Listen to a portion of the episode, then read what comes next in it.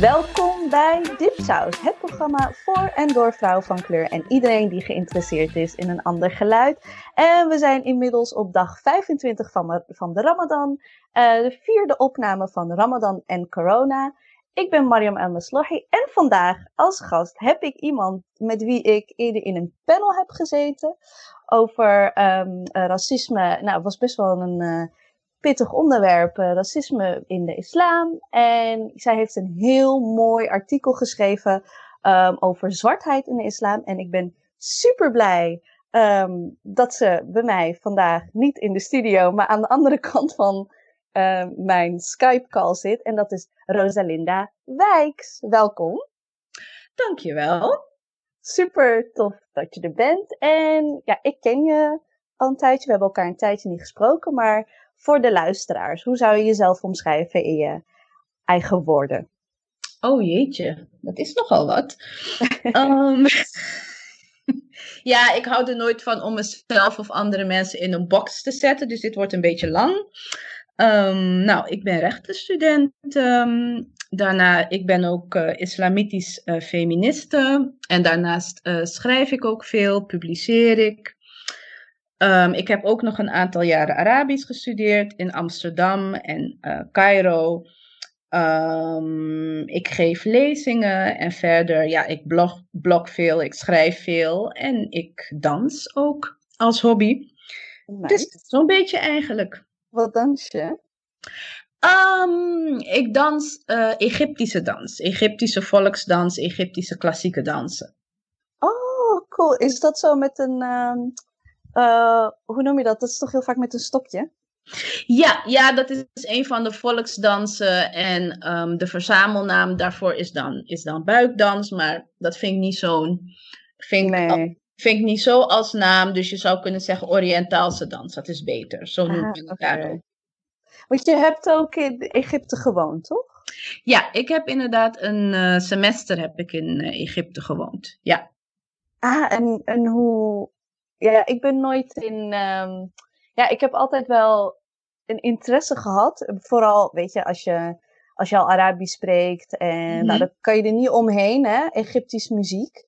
Mm -hmm. uh, en ook, ik heb altijd een soort van idee gehad. En misschien is dat wel heel orientalistisch van mij, hè? Want ik ben nog steeds een uh, westerse moslima.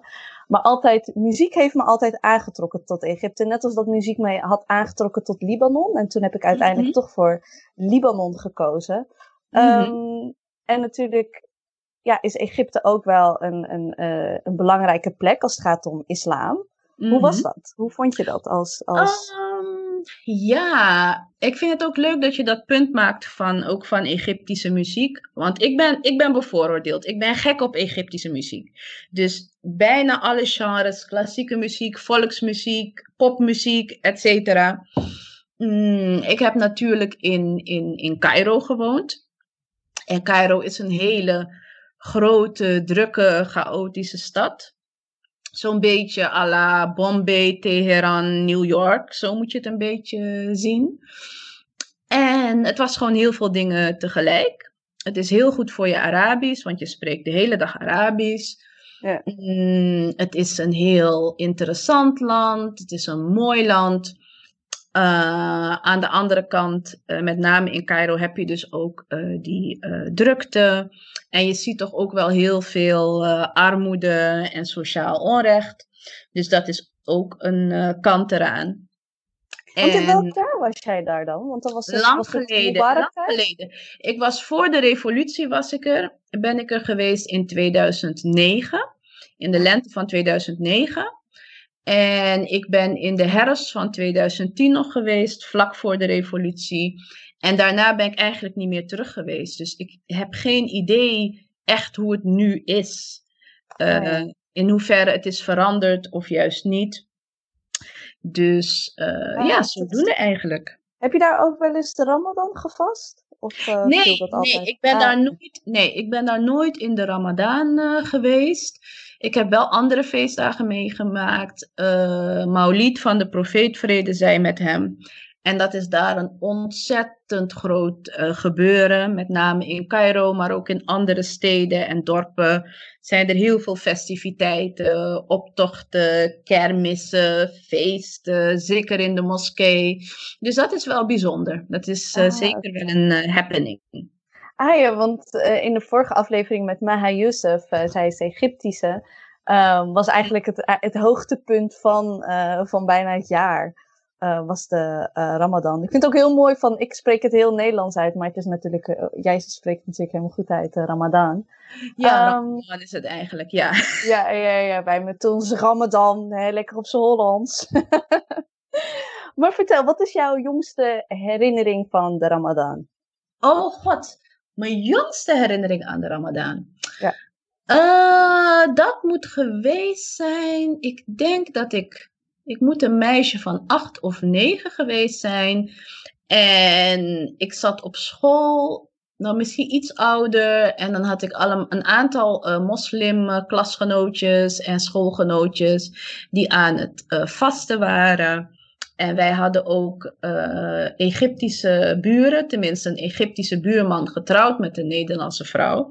En voor een Hollandse vrouw. En die vasten ook altijd tijdens de Ramadan. Dus eigenlijk uh, ben ik er al best wel jong mee in aanraking gekomen.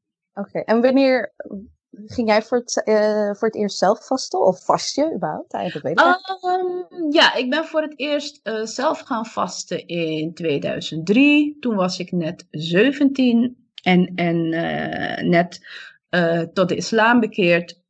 Dus toen ben ik eigenlijk uh, begonnen met vasten. En heb ik een aantal, heb ik jarenlang heb ik gevast. Maar op een gegeven ogenblik kon dat niet meer, wegens medische redenen. Dus ja, dus net eigenlijk vlak voordat ik volwassen werd, ben ik daarmee begonnen. Ja. Ah ja, en, en toen woonde je nog thuis. Vertel een beetje, neem ons een beetje mee naar dat.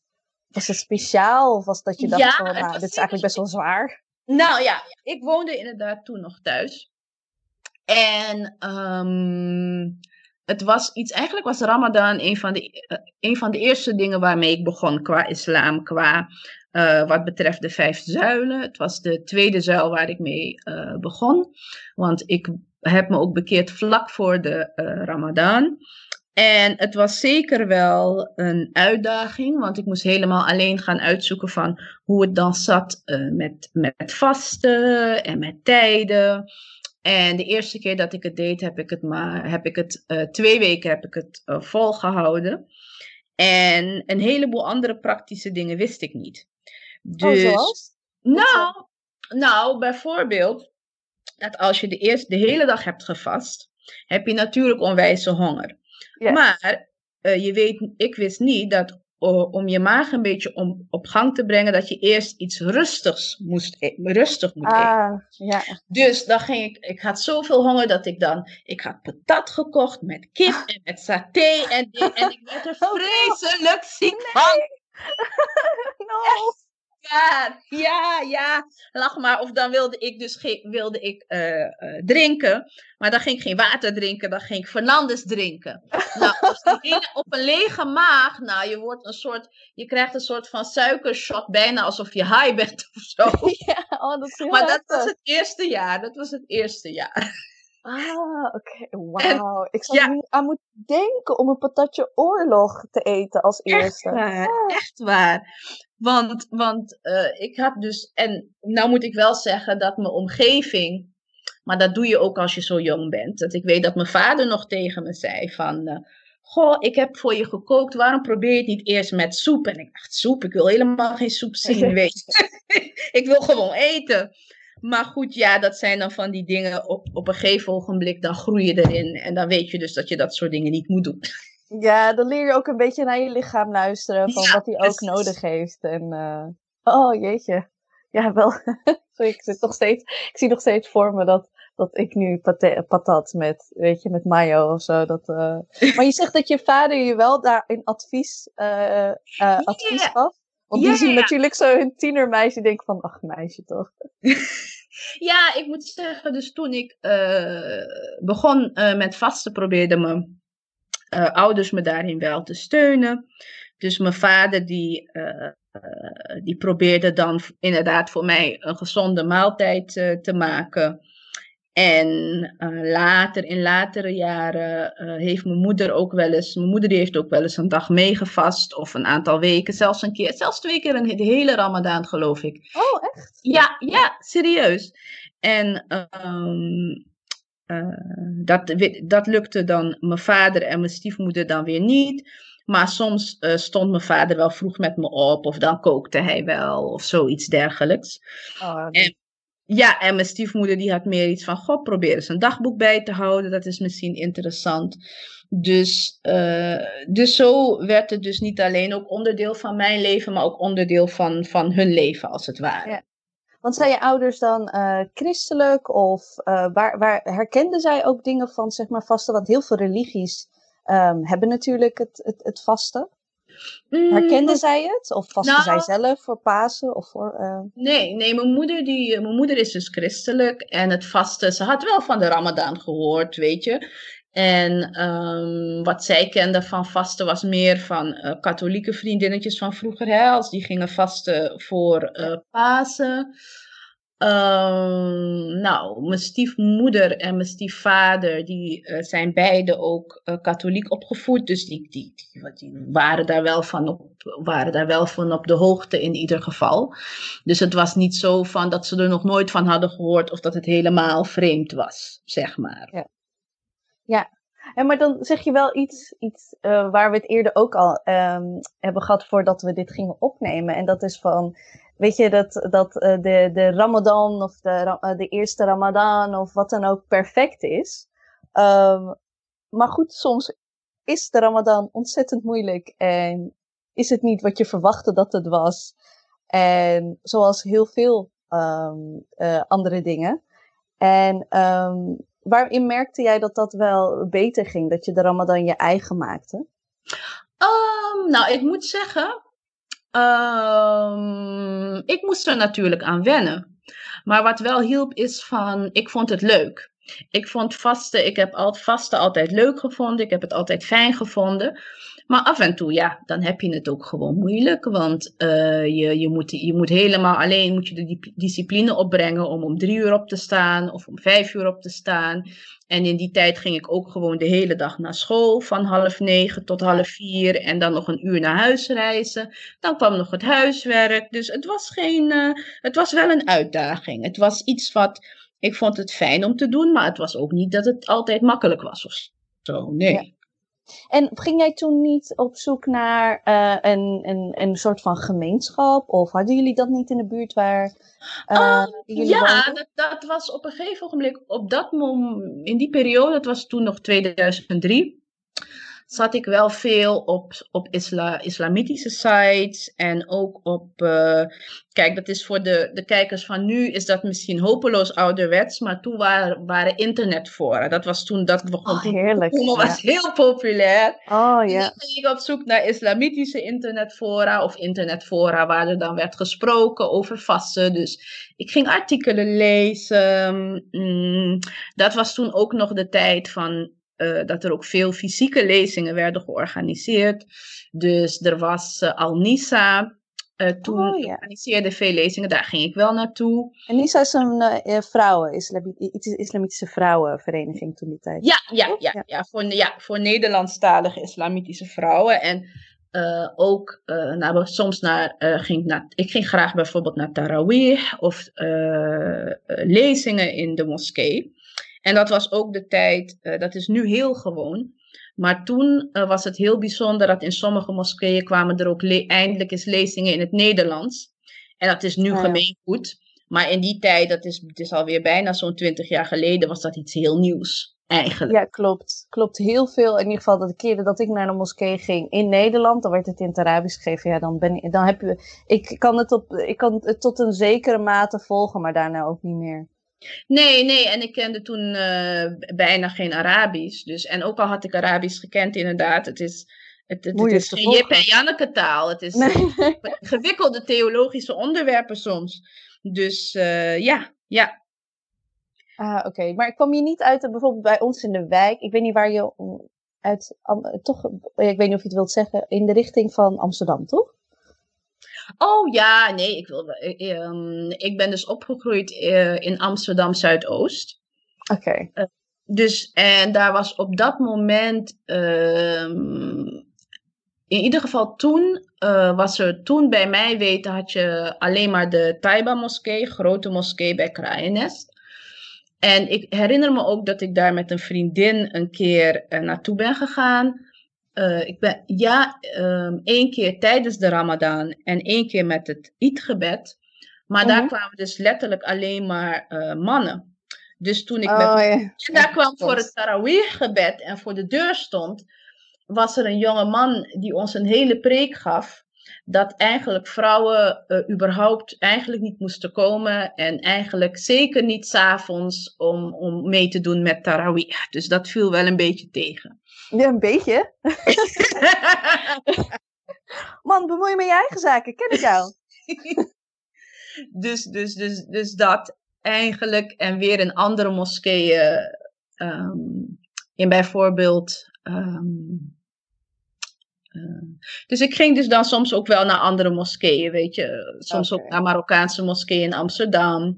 Of later in Haarlem, toen eh, mijn vader eh, woon, en mijn stiefmoeder woonde later in Haarlem. Dus daar ging ik dan wel naartoe voor tarawih en dat soort dingen. Ja. Oké, dus er was wel wat om je, om je heen.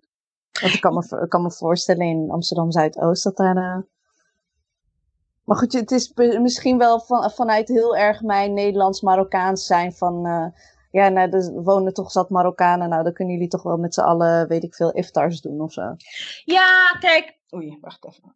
Ehm, ja, het is natuurlijk wel zo van, kijk, ik ging dan wel, eh, wel dan af en toe naar de moskee als dat, eh, als dat kon in verband met school of studie. Maar je bent toch grotendeels alleen, weet je wel? Je bent Ja. alleen als je 's ochtends eet, je bent alleen als je 's avonds eet. Of in ieder geval 's ochtends dan wel, omdat ik dan de enige was die zo vroeg opstond. Ja. Dus eh, En had je toen Dus- behoefte aan, aan, een, aan een gemeenschap? Of had je meer van, ja, ik weet niet, beter so it is what it is? Eh, heel erg, heel erg had ik wel behoefte aan. Ehm, had er misschien ook mee te maken, toen was ik ook een stukje eh, jonger. En het is gewoon makkelijker als je mensen om je heen hebt die je al een beetje wegwijs kunnen maken en je kunnen uitleggen van eh, hoe het allemaal werkt en zo. En eh, dat maakt het dan natuurlijk wel makkelijker. Ja, ja, ja. Want de, ik, ik, ik vraag het je omdat ik een beetje de, de. Toen op mijn middelbare school waren er ook een. Volgens mij twee of drie.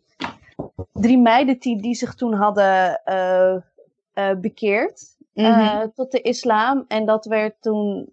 Ja, omdat het misschien een hele. best wel een diverse school was, werd dat heel anders opgevangen, weet je wel. Dan, eh, ehm, en omdat ze ook hingen met ik denk dat uiteindelijk, ik weet nog niet of ze nog steeds moslim zijn hoor, dat, dat, dat weet ik niet. Want wat ik, als ik er nu aan terugdenk, denk ik meer van, oké, we waren gewoon een groep meiden, weet je wel. Mhm. En eh, ik kan me nog herinneren van de eentje, die was half Tunesisch, half Nederlands. Mhm. En die wilde heel graag ergens bij horen. Mhm. En dus die dacht zo van, ik ga ook met die meiden meedoen aan, aan de Ramadan. Weet je wel, terwijl we eigenlijk wel wisten dat ze stiekem ergens aan het eten was. Maar dat maakte ons op dat moment niet uit. Maar ze werd wel opgevangen door een groep van vijf, zes meiden. Die, ehm, weet je, die, die, niet ander, die niet beter weten dan Ramadan, dat doe je samen, weet je wel. En terwijl ik juist later in mijn leven, hè, rond mijn 26ste en uit huis gaan en dat soort dingen, eigenlijk dacht zo van, nou, alleen zijn is helemaal niet zo heel erg. Heeft dat ook bij jou een soort van omslag gehad? Als je ouder, toen je ouder werd, je gemeenschap groter werd en dat je dacht zo van, oh, misschien wil ik nu wel weer alleen zijn of uh, nee, ik heb echt mijn gemeenschap nodig. Want het is toch wel een thema dat steeds terugkomt in de Ramadan. Community, gemeenschap. Ja, dat is eigenlijk een goede vraag. Ik denk dat het zich op verschillende manieren wel uitspeelt. Uh, ik ging dus wel altijd uh, graag naar de moskee en, en, en, en naar Tarawih. En uh, later maakte ik ook wel kennis met uh, ook wel, uh, ook, andere bekeerlingen waar ik wel ook wel af en toe naartoe ging. Of ik had een, een, een vriendin, een Marokkaanse vriendin, die was, ook alleen, die was ook alleen in de Ramadan en met feestdagen. Dus dan deden we dat samen. Mm, en nu de laatste jaren heb ik een, een, een, een Surinaamse moskee gevonden waar ik me heel prettig voel. En um, een aantal jaren, aantal jaren lang ging ik dan iedere vrijdag naar Juma en naar het uh, Eidgebed en zo. En dat valt natuurlijk nu, in tijden van corona, valt dat natuurlijk wel weg. Dus dat vind ik wel jammer. Ja, ja. want hoe, uh, want vast je nu? Nee, ik vast niet. Nee, voor, in, uh, in verband met gezondheid, hè? Ja, ja, ah, ja. Oké, en hoe, hoe vul jij de Ramadan nu in? Hoe is zo'n, hoe vul je de maand in? Want het is natuurlijk niet alleen maar van vasten, maar ook van, weet je, voor, zo, voor mij is het wel alleen vasten, ik bid niet. Uh, mm. Wat al voor zoveel discussie soms thuis uh, zorgt van, nee, maar hoe kan je het ene doen en het ander niet? Nou, kan wel. Ja, Oh, maar de ja. andere heeft, Ja. maar het een, maar het, maar het vaste heeft het gebed nodig te seal, te seal the deal. Weet je, dat noem je toch het zegelen van een, uh, Ja, ja, ja. Ik weet dat ik ook ooit inderdaad. ehm, dat ik met mijn, eh, een van mijn buurjongetjes ook wel, herinner ik me toen ik pas eh, was begonnen met vasten, ook een keer ook zo'n discussie had. Dat hij beweerde van dat als je niet eh, bad, dat je dan eigenlijk niet, dat je dan eigenlijk niet vastte. ja, dat En- niet meetelt. Ja. Ja, en dat ik dan echt iets van, van, van, van, van, van, hé, waar slaat dat nou weer op? Het is geen, religie is geen, ik, ik zeg altijd, religie is geen rekensommetje. Nee, nee, nee, nee. Nee, maar dus omdat ik dus eh, vanaf het begin ehm, het allemaal grotendeels zelf heb uit moeten zoeken, ehm, heb ik dus het, ook het beleven van de Ramadan echt ook heel eh, actief zelf moeten creëren, als het ware. En ehm, zo heb ik dan wel bepaalde dingen dat eh, met, eh, ik ga vaak met, met, met iets met mijn ouders uit eten of, of iets drinken. Ehm, ik ga dus eh, naar het eetgebed. Dus zo probeer ik toch van die rituelen voor mezelf te creëren, Ja. als het ware. En ja, de ene dag lukt dat meer dan de andere dag.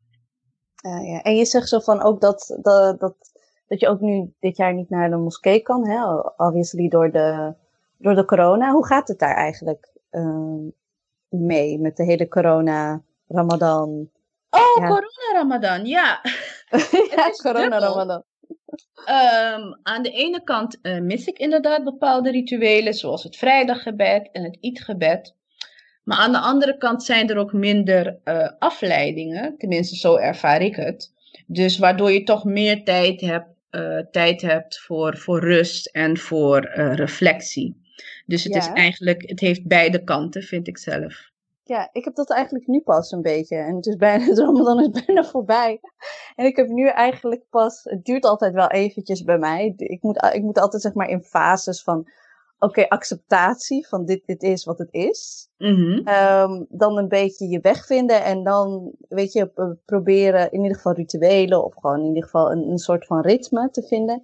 En die heb ik nu eigenlijk, eindelijk. En is dat, heb jij ook het gevoel dat dat voor jou anders is door corona? Of is het Zeker. een patroon wat je altijd, sowieso altijd al hebt? Nee, nee, dit is altijd sowieso een patroon. Als, als er iets verandert of zo, dan moet ik er eventjes gaan, gaan schakelen en dan echt mijn ritme vinden. Maar iets zo drastisch als dit, bijvoorbeeld bij mij miste ik niet per se ehm, dat ik niet naar de moskee kan tijdens de corona, maar meer zeg maar dat ik eh, fotoren, weet je, iftars met mensen. Eh, dat is wat ik veel, veel meer deed. Mensen opzoeken, mensen die ik heel lang niet had gezien, weet je, dat we Mhm. elkaar... We zagen, ik, ik heb echt een paar mensen die ik echt alleen van Ramadan tot Ramadan zag. En dat was, en that was fine. Ehm, maar wat je zegt zo van, dingen zijn trager, terwijl ik een best wel een hoog tempo leven heb. Ja, Mhm. dat vond ik, vond ik heel lastig. Waarin jij zegt zo van, het heeft zijn vooroordelen. vo- nee, voordelen, niet vooroordelen. Het heeft zijn voordelen, weet je wel. Ja, ja, eh, reflectie en dat soort dingen. Ja, dat zijn dingen waar ik liever gewoon mijn kop in het zand steek, weet je wel. Maar nu kan ik geen kant op. Nu moet je wel. Ik En moet was, voor jou, het was Ramadan voor jou, was het ook altijd eh, meer een, een, een familiegebeuren? Want je zei later op een gegeven ogenblik, toen je eenmaal uit huis ging, vond je het ook wel prima om alleen te zijn? Ja, ja, ja. Het, ik, eh, maar ik bedoel, ehm, wij, wij, wij waren gewoon een, ge- een jong gezin dat eh, Ramadan gewoon samen deed. Ik bedoel, ik, moet, ik, ik raakte echt in paniek als ik niet op tijd thuis zou zijn voor iftar hoor.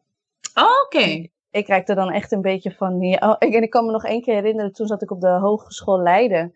Mhm. En toen moest ik me breken, moest ik me vast verbreken in de trein. Nou, ik voelde me echt de zieligste persoon.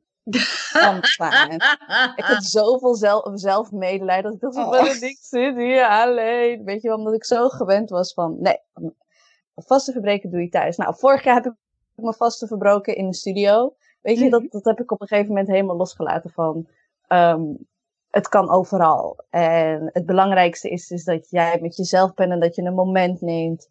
ehm, van dat je gewoon, ja, het, het, het, waarin ik eerst vond van vaste verbreken doe je met elkaar. En dan, en dan, en dan was het echt super patriarchaal hoor. Dan kijk je naar je vader totdat hij dadel eet. En dan pas ga jij eten. Mhm. Van if he's eating, then it's good. Weet je wel? Van, eh, want als hij, als, hij, als hij doet, ook al is het vijf minuten te vroeg, maakt niet uit. Want hij heeft het gedaan. En wij volgen hem. Dus het is al all on him. Ehm, maar nu moest je ook de verantwoordelijkheid van zelf denken van oké, nu ga ik even. Weet je wel, dat was ook iets wat ik helemaal niet gewend was om een beetje zelf te bepalen. Niet te bepalen van wat de tijd was, maar te zeggen van oké, snap wat je bedoelt, dat je er zelf op moet letten allemaal. Dat je het zelf moet Ja. organiseren. ja, oké, eh, weet je, dan, eh, dan- ja, ik heb op mezelf eh, heb ik echt alleen maar in de zomer gevast. Het is echt super lange dagen, dat je echt denkt van, oké, 22 uur 4. Ik ga eten. Oké, this is it. Ja, maar weet soms je wel? kun je ook door hoe jij bepaalde dingen doet, ook weer dingen creëren voor anderen. Want ik herinnerde me nog, herinner me dat ik eh, mijn eerste bijbaantje had, toen was ik 18. En op een gegeven ogenblik viel het, i- eh, begon de Ramadan.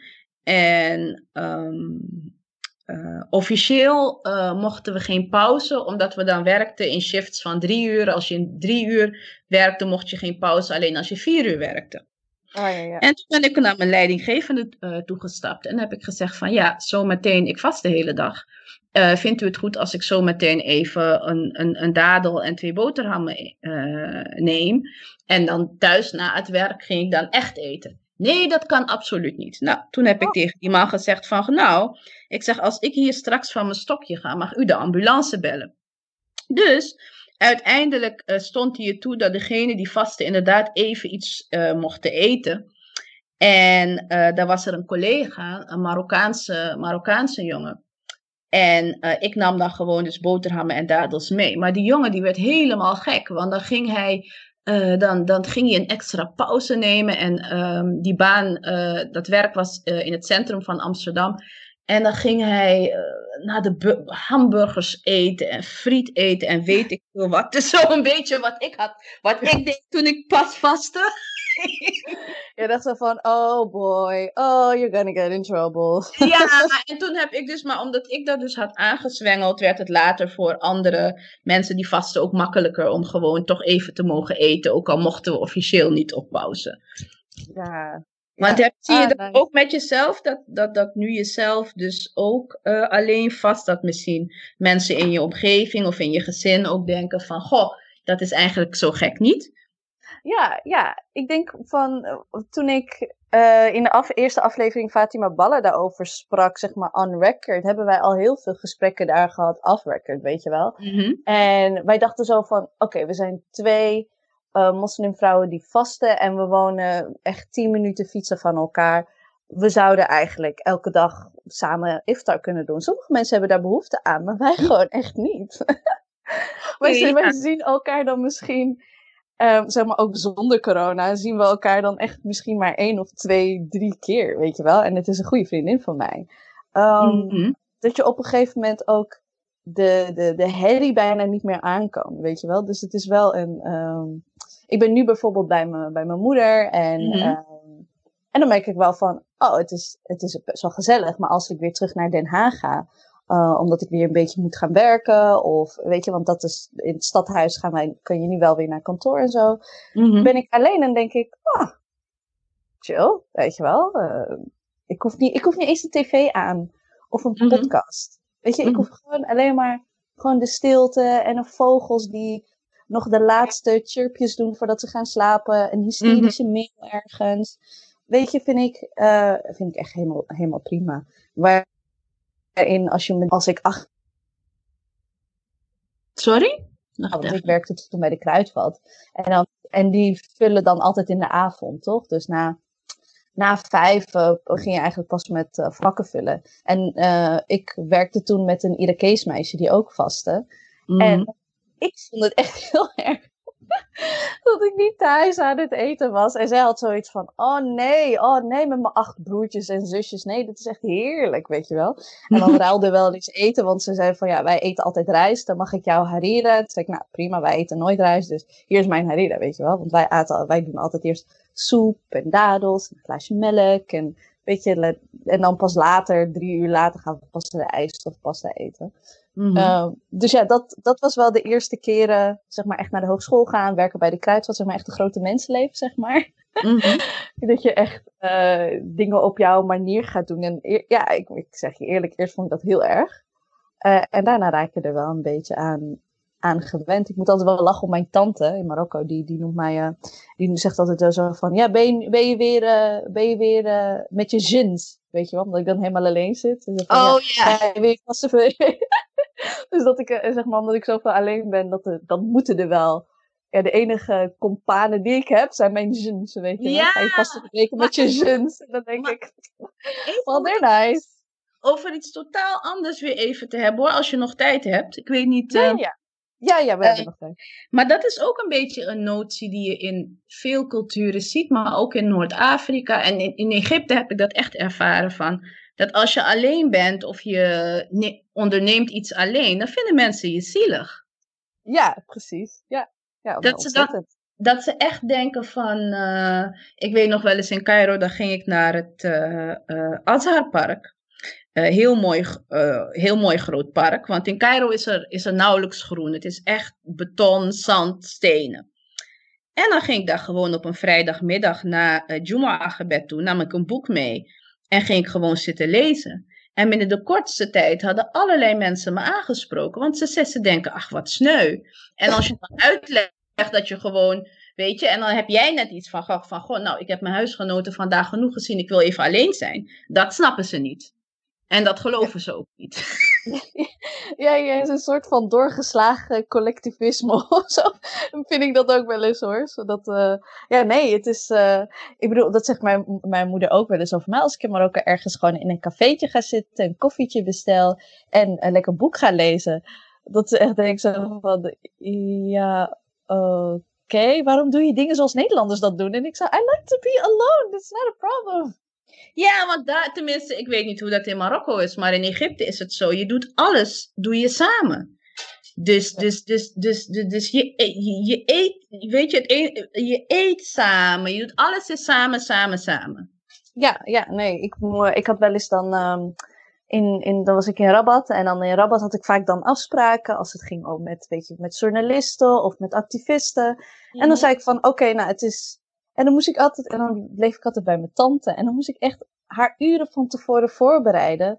Dat ik er niet ben voor de lunch. Want het is een lunch is eigenlijk bijna de belangrijkste maaltijd. Ja. Het is een warme, ja, goede lunch. Ja, Ja. gewoon een goede, warme lunch. Dus dat is eigenlijk, en dan wat je de rest van de dag eet, dat maakt niet eens zo heel veel uit. Maar als je maar gewoon een goede lunch hebt gehad. En dan moest ik haar echt voorbereiden op dat ik wel ergens wat eet alleen.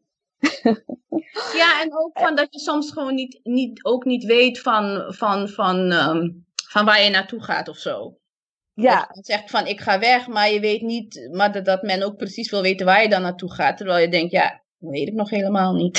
Ja, precies. Maar wat ga je dan eten? En met wie? En hoe? En waar? En dan, en dan. En ga je gewoon, maar eh, een groot ding is ook van, je bent ook een beetje, je bent ook een beetje sneu als je buiten eet. Want het eten van buiten, dat noemen ze straateten. Dat kan niet goed Mhm. voor je zijn, weet je wel. Dus je gaat je warme maaltijd van je tante overslaan. Om ergens in een hoek, weet je wel, dat ziet zij dan voor zich, om in een hoek oud brood te eten. Oh, wat verschrikkelijk. Nee, want dat, nee, maar dat is ook een dingetje. Tenminste, bij Egyptenaren heb ik dat nooit zo gezien. Maar sommige Surinamers, die hebben iets van, ik eet nooit iets buiten. Dus zeg Ja. maar, niet, niet in restaurants of terras of dingen. Sommigen die eten niet eens bij andere mensen, bij hun familie. Die hebben iets gewoon van, wat je thuis eet, dat is goed. Maar de rest vertrouwen ze niet. Ah ja, nee, mijn moeder die werd wel eens boos als ik dan thuis kwam. Ik had geen zin om, niet echt zin om veel te eten. Zij zei, heb je van de straat gegeten? Dan denk ik, wat? Want dat letterlijk vertaald vanuit Marokkaans, dus denk ik van van de, dan is het gewoon van de straat gegeten. En dan Mhm. vond, ze, vond zij zo van, nou, En ik ben hier aan het koken. En het liefst nam dat ik ook, zeg maar, ook eten van huis meenam. Een beetje in een bakje. En, uh, en mind you, dan heb ik gewoon weet je, bij ons was middageten, zeg maar, de restjes van het avondeten. Dus ik was dan pasta aan het eten, rijst, mhm. vlees. en zei ik, mam, ik kan dit niet helemaal naar Leiden meenemen. Hoe moet ik het opwarmen? Ja, ze hebben toch pas wel magnetron ergens. Na, na, na, na. Dan denk ik, oh, mam. Nee, maar ik moet zeggen, uh, toen ik dus in Cairo woonde, had ik heel veel buiten. Ik kookte eigenlijk heel weinig, omdat ja, daar is buiten eten best, het is best wel goedkoop. Maar dan zit je mm, dan zaten we dan meestal met een, een groepje uh, medestudenten. En dan in van die arbeiderscafés. En ik vond dat hartstikke leuk. Oh, maar eigenlijk... Eten echt niet lekker. Wat dan? Ik hou echt niet van Egyptisch eten. Ik heb het echt vaak geprobeerd. En Egyptenaren hebben ook voor me gekookt. Maar ik hoef gewoon niks met moulagia. Oh, moulagia. Ja, maar er is meer dan alleen moulagia. Ja, vol. Heel veel vol. Oh nee, bonen. Ik, hou ik ook niet van. Maar je hebt wel hele goede uh, falafel, tamea. En soms maken ze ook een soort van ehm, lunch of ontbijt. En dan heb je uh, gefrituurde aubergine, um, feta, um, hakballen, hoe heet het? Uh, ja, wat ik zei, tamea, alle uh, tahina, hummus, alle van dat soort dingen. En, maar ik moet zeggen, eten in, op, in Zuid-Egypte, in, in, in, in Aswan, in Nubië, is veel beter. Verser misschien ook. Verser en veel meer kruiden. En wat ze daar ook hebben in Opper-Egypte, in, in ieder geval in Aswan, hebben ze ook tagine. Alleen, oh, ze noemen het echt zo tagine, ja. Alleen die tagine van hun, het is dus net, het is gemaakt ook van aardewerk. Alleen het deksel is plat, dus niet kegelvormig en het gaat in de oven. Maar dat, verder is het idee hetzelfde, dat ze het uren stoven met allerlei oh, En dat is gewoon oh, heel lekker. Oh, maar dat hebben we in, uh, dat hebben we in Marokko zo. Dat heet Tangia. Ja, en zij noemen het dus gewoon tagine in, in, in, in uh, Aswan en, en omgeving in Nubië. En dat is wel heel lekker. Nou, oké. Nou, misschien heb ik alleen Maha, die gaat echt boos op me worden. Maar volgens mij uh, de enige Egyptenaren dan... Ik, ik, ging een keertje in Londen en dan was ik bij een vriendin die daar studeerde. En dan wilde ze speciaal koken. En dan zag ik de mologia met gewoon vier hele uien. En dat ik dacht van, how am I, what? What is this? Nou, ik moet zeggen, ik hou wel van monogeën. En, maar het is met alles hoe je het maakt. Hè? Want sommige mensen maken voel bijvoorbeeld. Dan, het is dan een soort stoofpot van bonen. En dan doen ze er ook, uh, denk peterselie in. Maar sommige, die gaan het dan stoven. En dan gaan ze daarna helemaal pureren. En dat vind ah, ik dus ook niet te eten. Dat krijg ik echt door mijn keel. Uh, ja, en met een lekker Fernandesje erbij, hè, en dan je vast te verbreken. ja, precies. Precies, precies. Ja.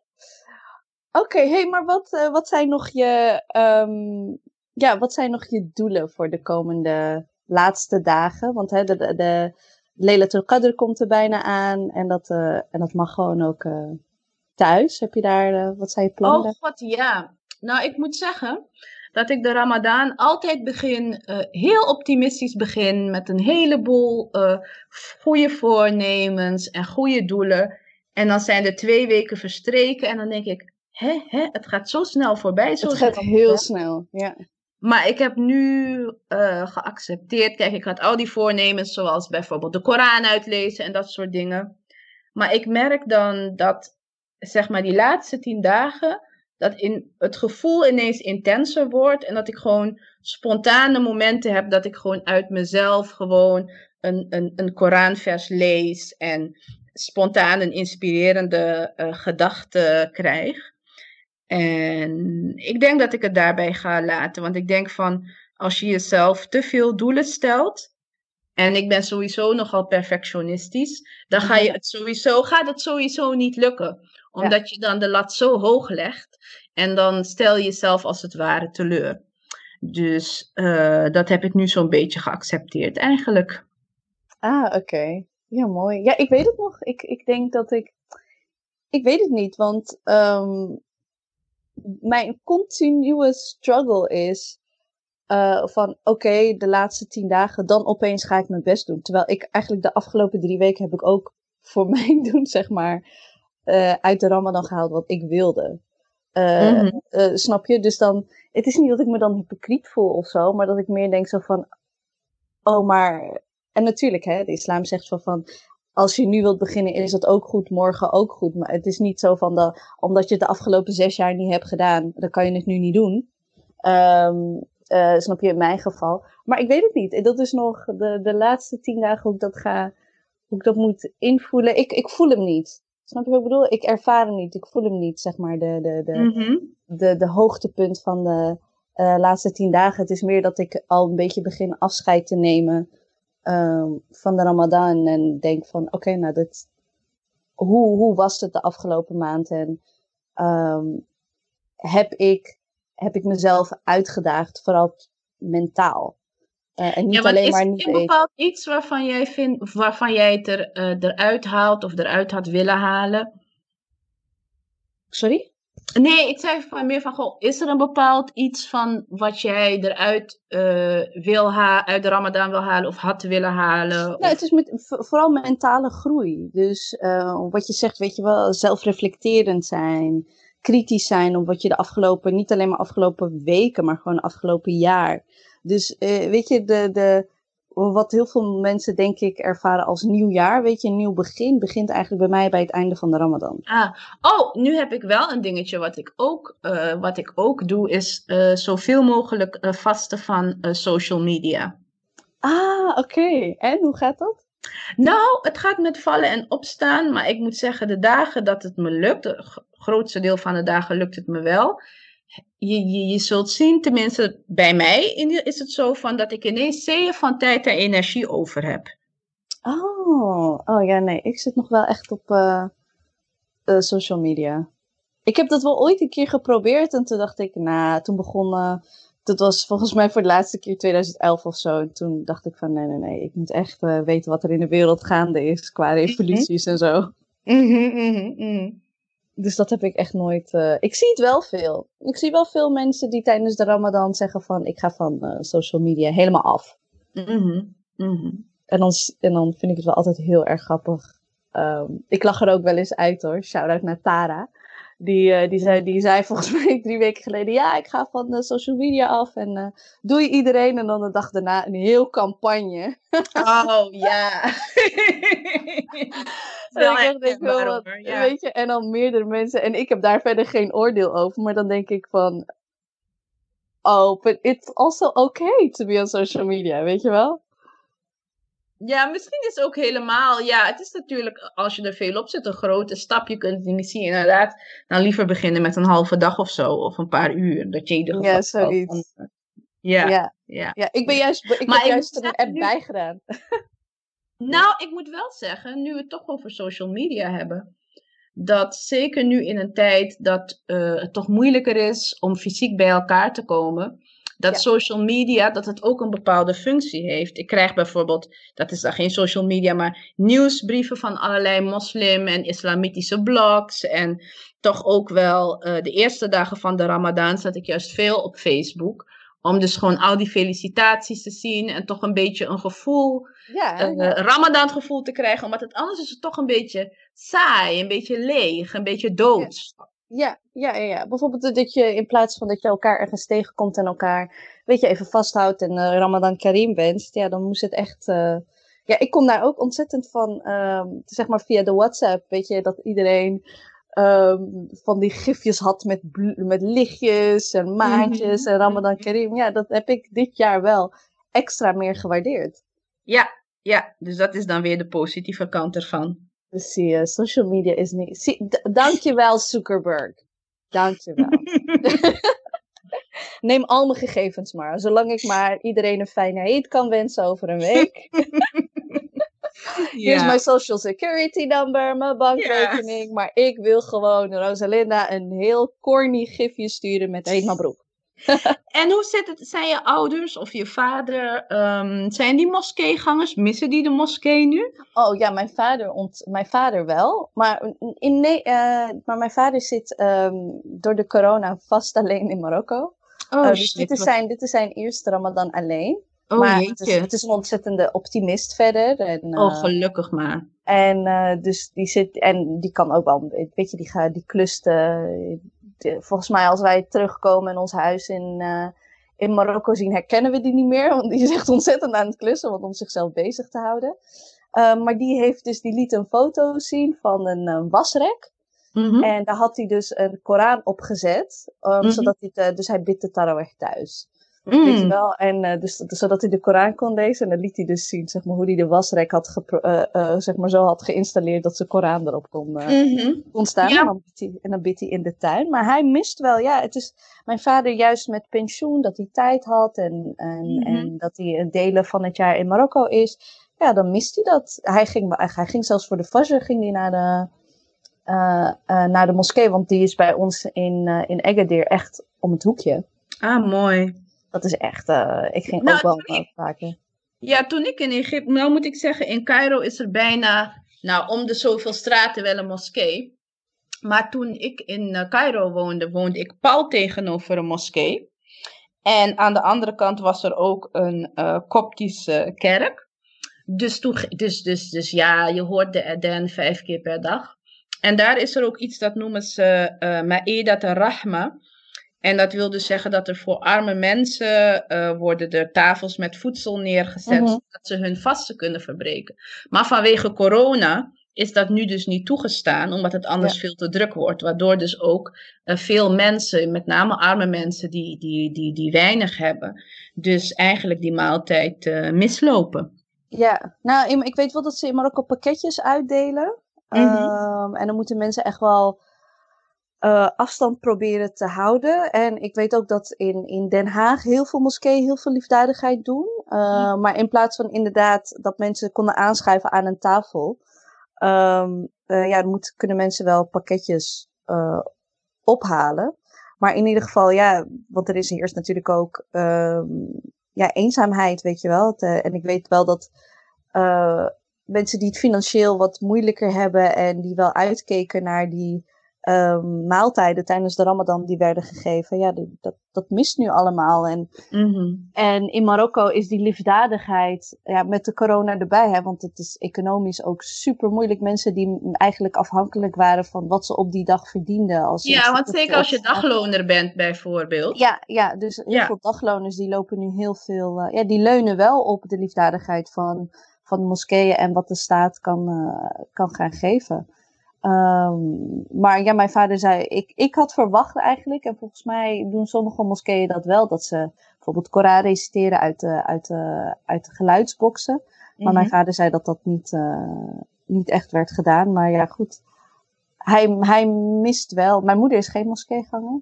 Mm -hmm. uh, maar mijn vader was, uh, ja, die was dat wel. En dat, het is eigenlijk voor hem de eerste corona zonder gezin. Nou, in ieder geval sowieso zonder zijn, zijn partner, mijn moeder. Mm En, uh, want mijn moeder, wij zouden eigenlijk de eerste twee weken samen vasten in Marokko, maar toen uh, konden wij daar niet naartoe vliegen. Toen kwam corona. Toen kwam corona, dus we zijn eigenlijk allemaal een beetje versnipperd nu aan het uh, vasten. En ik weet dat mijn vader dat heel erg vindt. Die houdt heel erg van dat samen, weet je wel. Van nee, we zijn een gezin en we zullen altijd een gezin blijven. En, Nee, maar dat kan ik me voorstellen als je dat altijd zo gewend bent. En je zit ineens ja. alleen en je kunt ook nog eens niet naar de moskee, ja. weet je. Maar ja, ik moest in... wel lachen. Ja? Er ging een, uh, een tijdje terug ging er een meme rond op Facebook. En dat die was geplaatst door Hint Mackie. Ben je met haar bekend? Oh, met haar? ja, ja, ja, ja. Zij is journaliste, ja. toch? Ja, zij is uh, uh, Soedanees-Amerikaanse dame. En ze heeft een blog, dat heet Side Entrance Blog. Waar ze dus aandacht vraagt, waar ze dus foto, foto's uh, worden geplaatst van vrouwenruimtes van moskeeën wereldwijd, waar je dus ook vaak ziet dat de vrouwenruimte, dat de kwaliteit gewoon toch minder is. Ja. En, uh, en dan was er zo'n meme of waarin gezegd werd, waardoor mannen zeiden, waarin mannen zeiden van ja, Ramadan met corona, ik vind het zo moeilijk, want uh, we kunnen niet samen de vasten breken en geen tarawih. En niet daarna met de broeders naar de sportschool voor Fajr. En dan stond erbij het commentaar uh, van de vrouw en dan stonden er een paar streepjes zo van. van really, dit, dit zo is het voor ons altijd. Ja, precies, precies. Ja, ja, ja. Nou, ik, ik denk, ja, dat is het, dat is het ook natuurlijk. Hè? Dus um, je, je, wordt wel met je neus op de feiten van. Er is altijd de discrepantie, zeg maar, tussen weet je, vrouwen in de keuken en mannen die maar van alles opeens allemaal, weet je, allemaal nieuwe, um, hoe noem je dat? Nieuwe uh, gezonde dingen willen doen en ik wil dit en ik ga sporten en daar heb ik Ramadan nu de kans voor. Terwijl, moeder, weet je, de, de genderrollen die zo verdeeld zijn, terwijl een vrouw echt denkt zo van, oké, ik heb daar geen tijd. Dus oh, ik heb me één keer zo geërgerd. Dat was, uh, uh, toen zat ik dus inderdaad nog op een forum, een Marokkaans forum. En er was. Oh jee, oh jee. Ja, dagelijks. Oh jee. Nee, maar, nee, dus. En dan ging je op de Ramadan. Maar ik vond het leuk om in de Ramadan gewoon dagelijkse dingetjes en zo. En een vriendin van mij, Marokkaanse vriendin, die had harira gemaakt. En toen schreef ik zoiets van dat ik, die, dat ik een deel had opgewarmd en de volgende dag had opgegeten of zo. En toen zei een van die jongens daar, ja, dat zou ik nou nooit doen, want ik wil iedere dag verse harira. Ah! ik ben jij voor eikel? Je weet niet eens hoe het gemaakt wordt. En dan wil je iedere dag, moet jij verse harira hebben. Oh. oh, oh nee. Oh, dit is zo mijn allergie der allergieën. Dit soort. ik ben soort... agressief van je. Oh. En terwijl Ramadan, hè, vrede en uh, whatever. Maar oh, die, ja, die, die, verdient een slipper naar zijn hoofd. Ja, maar de patriarchy never leaves you alone. Nee, echt. Of van, oh, ik, ik moest dan, ik ergerde me soms echt wel, als ik dan in, in Marokko vastte. En dan, uh, nou, dan had je eten voorbereid. En dan was ik meestal alleen maar met mijn ouders, met z'n drietjes. En dan dacht ik, oké, nou, dit is wel perfect. En dan tien minuten voor de Maghreb, ding dong, stond er gewoon een nee voor de deur. Dat ik echt dacht zo van, what? En dan komt dan gewoon, na, na, na, na, gaat dan lekker zitten. En die verwacht dan dat hij helemaal geserveerd wordt. En dan zag mijn moeder gewoon mij gewoon kortsluiting krijgen van, oh no. Oh no, no, no, no, no. Not when I'm here.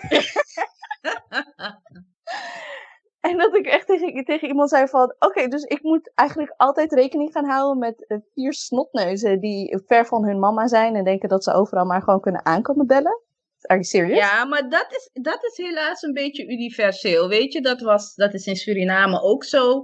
Je maakt altijd meer, want er kan altijd nog iemand komen. Of meerdere mensen kunnen er komen. En dat vind ik op zich niet erg. Snap je? Maar tijdens de Ramadan en er maar steeds van uitgaan van oké, eh, dat, dat, dat die gasten maar in mine mutten gaan doen van waar kan ik eten.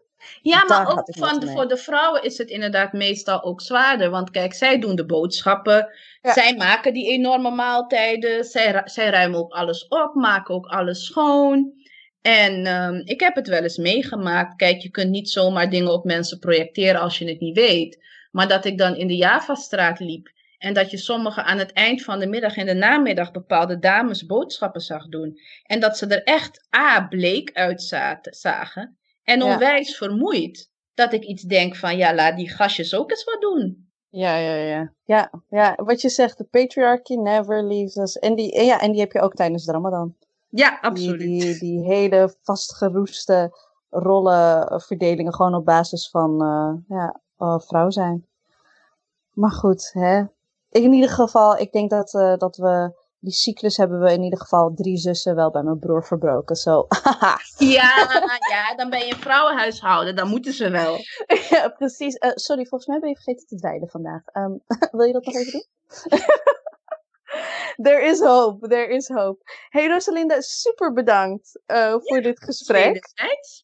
En um, nou, ik, zal ik alvast bijna zeggen, ja, het Mubarak nog niet. Nou, in ieder geval nog een ja, fijne... Inshallah. Inshallah. En hele mooie dagen nog. Um, ja, vol, vol toch, ja. ja. Whatever, whatever, you, whatever you speak, zal ik maar zeggen, voor de laatste. Ja. Jij. De, de negen dagen. Oké, okay, thank you. Okay. Bye.